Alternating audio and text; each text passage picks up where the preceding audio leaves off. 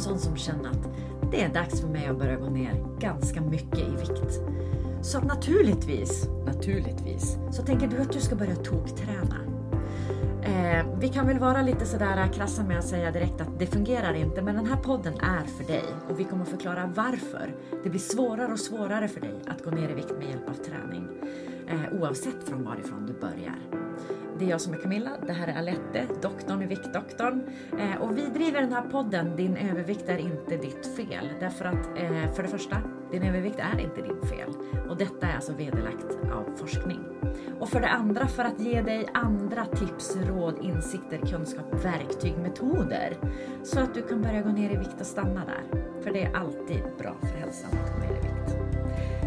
Men Ja. när det gäller hysterisk träning, Ja, åh vad spännande. Ja, eh, jag har förstått att du har hittat en studie. Jag hittade en studie. jo, den heter Energy, ehm, Energy Compensation and Adiposity in Humans och den är publicerad av Current Biology 2021 så den är ganska ny. Den är bara i fjol. Ganska många eh, som de tittade på också. Ja, 1700 deltagare och den här gången var det inte 1700 friska studenter som det kanske kan vara i forskning. Alltså jag är van i, i marknadsföring och branding, varumärke och så vidare, att man tar typ handelsstudenter i Stockholm. Kanske inte riktigt det bästa underlaget, men här var det ju det. Ja, alltså nej, det var ju det var ju tvärsnitt av befolkningen. Det var unga, det var gamla, eh, det var smala, det var eh, feta. Eh, det var människor från olika samhällsskikt. De var framselekterade för att leva vanliga liv. Inga elitidrottare, inga som levde på svältgränsen utan folk åt och drack och rörde på sig som folk flest brukar göra.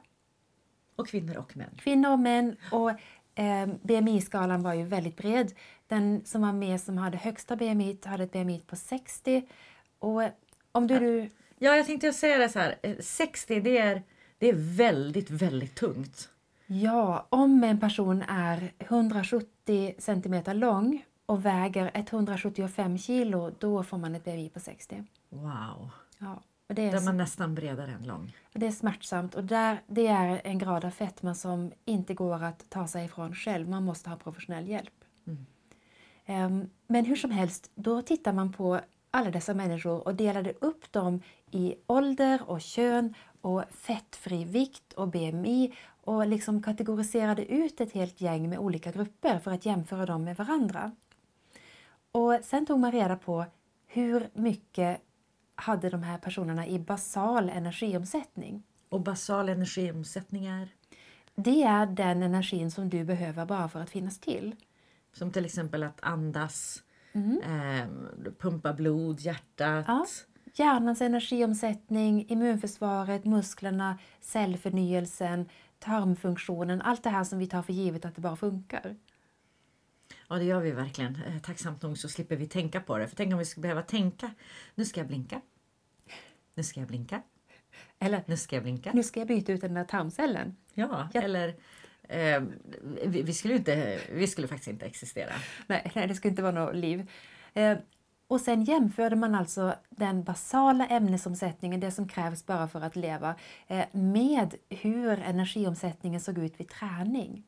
Och det är nu det börjar bli spännande. Ja, och faktiskt lite märkligt.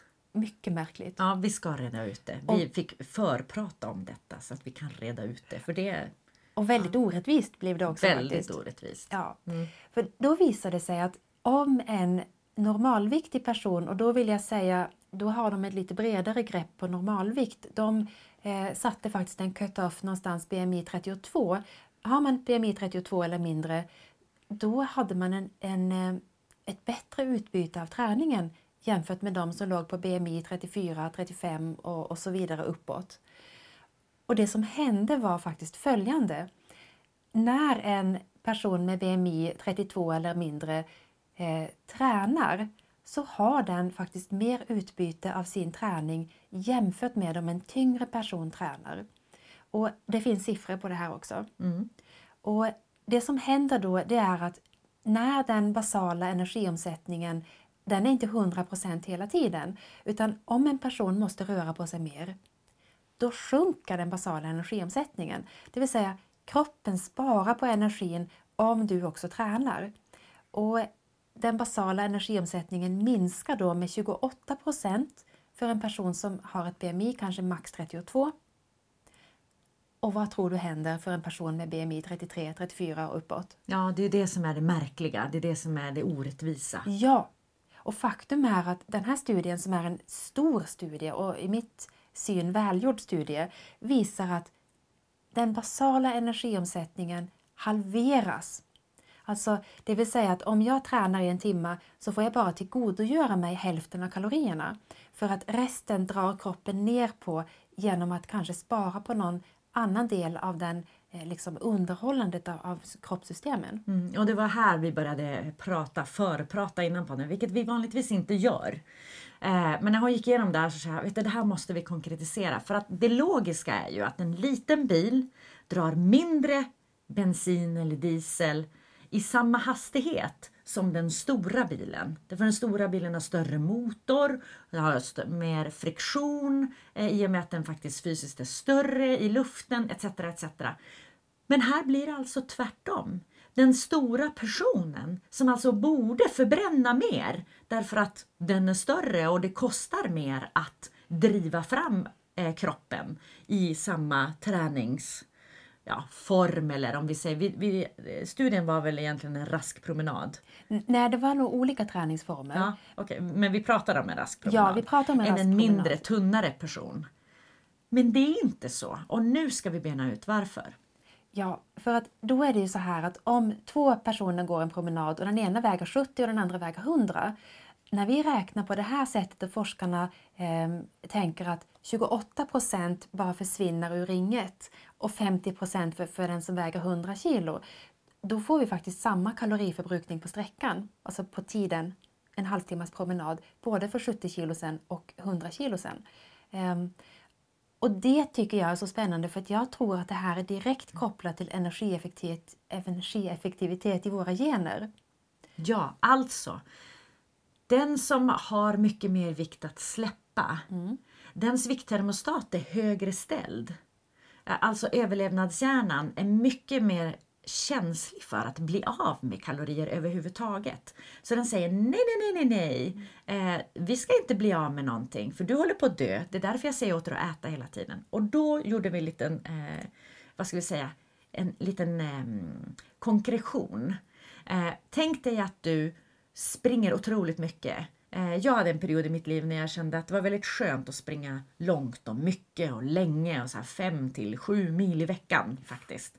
Eh, och vad som hände då enligt studien, det är alltså att min hjärna, eh, min överlevnadshjärna säger till mig, aha, stackare, måste du springa så långt varje dag för att få mat, då ska vi hushålla väl med resurserna och därför förbrände jag mycket mindre när jag sprang så där mycket. Ja, det låter helt bakvänt. Men ja, ja, det låter fel.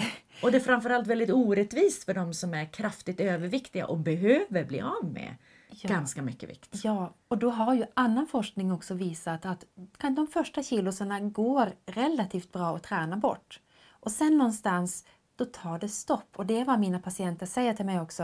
Ja, men jag fattar inte det här. Alltså jag tränar mycket, mycket, mycket mer än, än mina kompisar. Och ändå är det jag som har ett viktproblem, fastän de kanske inte tränar alls. Och, och det handlar om att har du mycket vikt att ta av så har du också en hjärna som är inställd på att behålla vikten för att överlevnadshjärnan tror att det är gynnsamt för din överlevnad när vi faktiskt vet att det är tvärtom. Och då blir du mer och mer och mer och mer energieffektiv för varje träningstimme du lägger bakom dig. Och eh, det finns en jag tror, schweizisk läkare som är triathlonlöpare som han heter Beat Knechtel. Eh, som, ja, men, jag kanske säger det fel. Men eh, Beat Knechtel hade gjort en studie med hur mycket måste en överviktig medelålders man springa i takten 7 km i timmen för att bli av med ett kilos kroppsfett. Mm. Det här är också ganska intressant.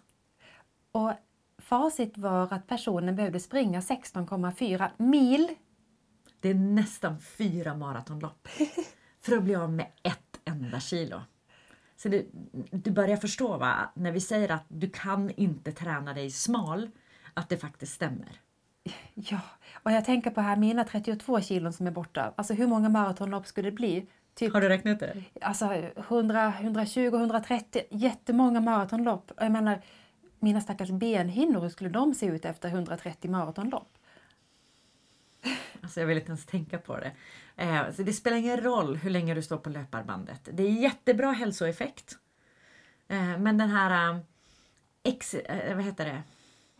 Nu fastnar jag i, i ordet. Men den här överdrivna träningen. Den, den fungerar inte. Inte för att gå ner i vikt. Inte för att gå ner i vikt. Men faktum är att träning är något av det nyttigaste du kan göra för din kropp, bortsett från att avhålla sig från rökning. Eh, så fortsätt gärna träna, men var inte förvånad om inte du får de resultat som du förtjänar på vikten. För att det funkar inte att träna sig smal. Nej. Vi har ju en till podd om hysteri varför hysterisk träning inte gör dig smal som jag bara vill puffa lite för. För då hade du tittat på en studie om Biggest Loser-deltagare. Ja. Jag tycker den är så spännande. Ja. Vi behöver kanske inte dra huvudpoängen. Nej. Utan det finns alltså en till podd om du blir intresserad där Aletta har gått igenom forskning där de faktiskt har tagit just Biggest Loser-deltagare. Jag vet inte varför jag har problem att säga det. Bara som S inte vill. Eh, och så har de följt dem från det att de går med i Biggest Loser. Och har du missat denna tv-serie så är det alltså kraftigt, kraftigt överviktiga eh, obesitas deltagare som checkar in på en farm där de har flera olika personliga tränare som tar hand om dem. De äter väldigt, väldigt vällagad, rätt näringsrik kost. De tränar flera timmar per dag och varje vecka så blir de vägda. Och då den som har förlorat mest i vikt, the biggest loser, vinner deltävlingen och är säker att få fortsätta en vecka till. Och så håller de på tills det bara är en kvar. Ja, så att, eh, gå tillbaka i, i poddarkivet och eh, plocka fram den om du blir intresserad. Så vad är, eh, liksom poängen, förutom den uppenbara att du inte kan träna dig smal? Eh, vad, vad, kan vi ge med våra tittare eller lyssnare idag? Um, jag skulle säga att om din doktor säger till dig ät mindre, träna mera så kan du informera läkaren om att det funkar inte. Det tillhör det gamla paradigmet. Utan det nya paradigmet innebär att du måste göra någonting åt din vikttermostat om du vill gå ner i vikt. För annars kommer din överlevnadshjärna att motarbeta dig hela vägen in i kaklet. Mm. Och vill du veta mer om vikttermostaten så är det första avsnittet av den här podden som du ska lyssna på. Jag säger stort tack. Jag älskar när hon går in i så forskning och hittar så här coola grejer, eller hur? Eh, tack till dig som har tittat eller lyssnat vi eh, kommer tillbaka i samma kanal nästa vecka. Om du är sugen på att höra mer, ta hand om dig tills dess. Hej då! Hej då!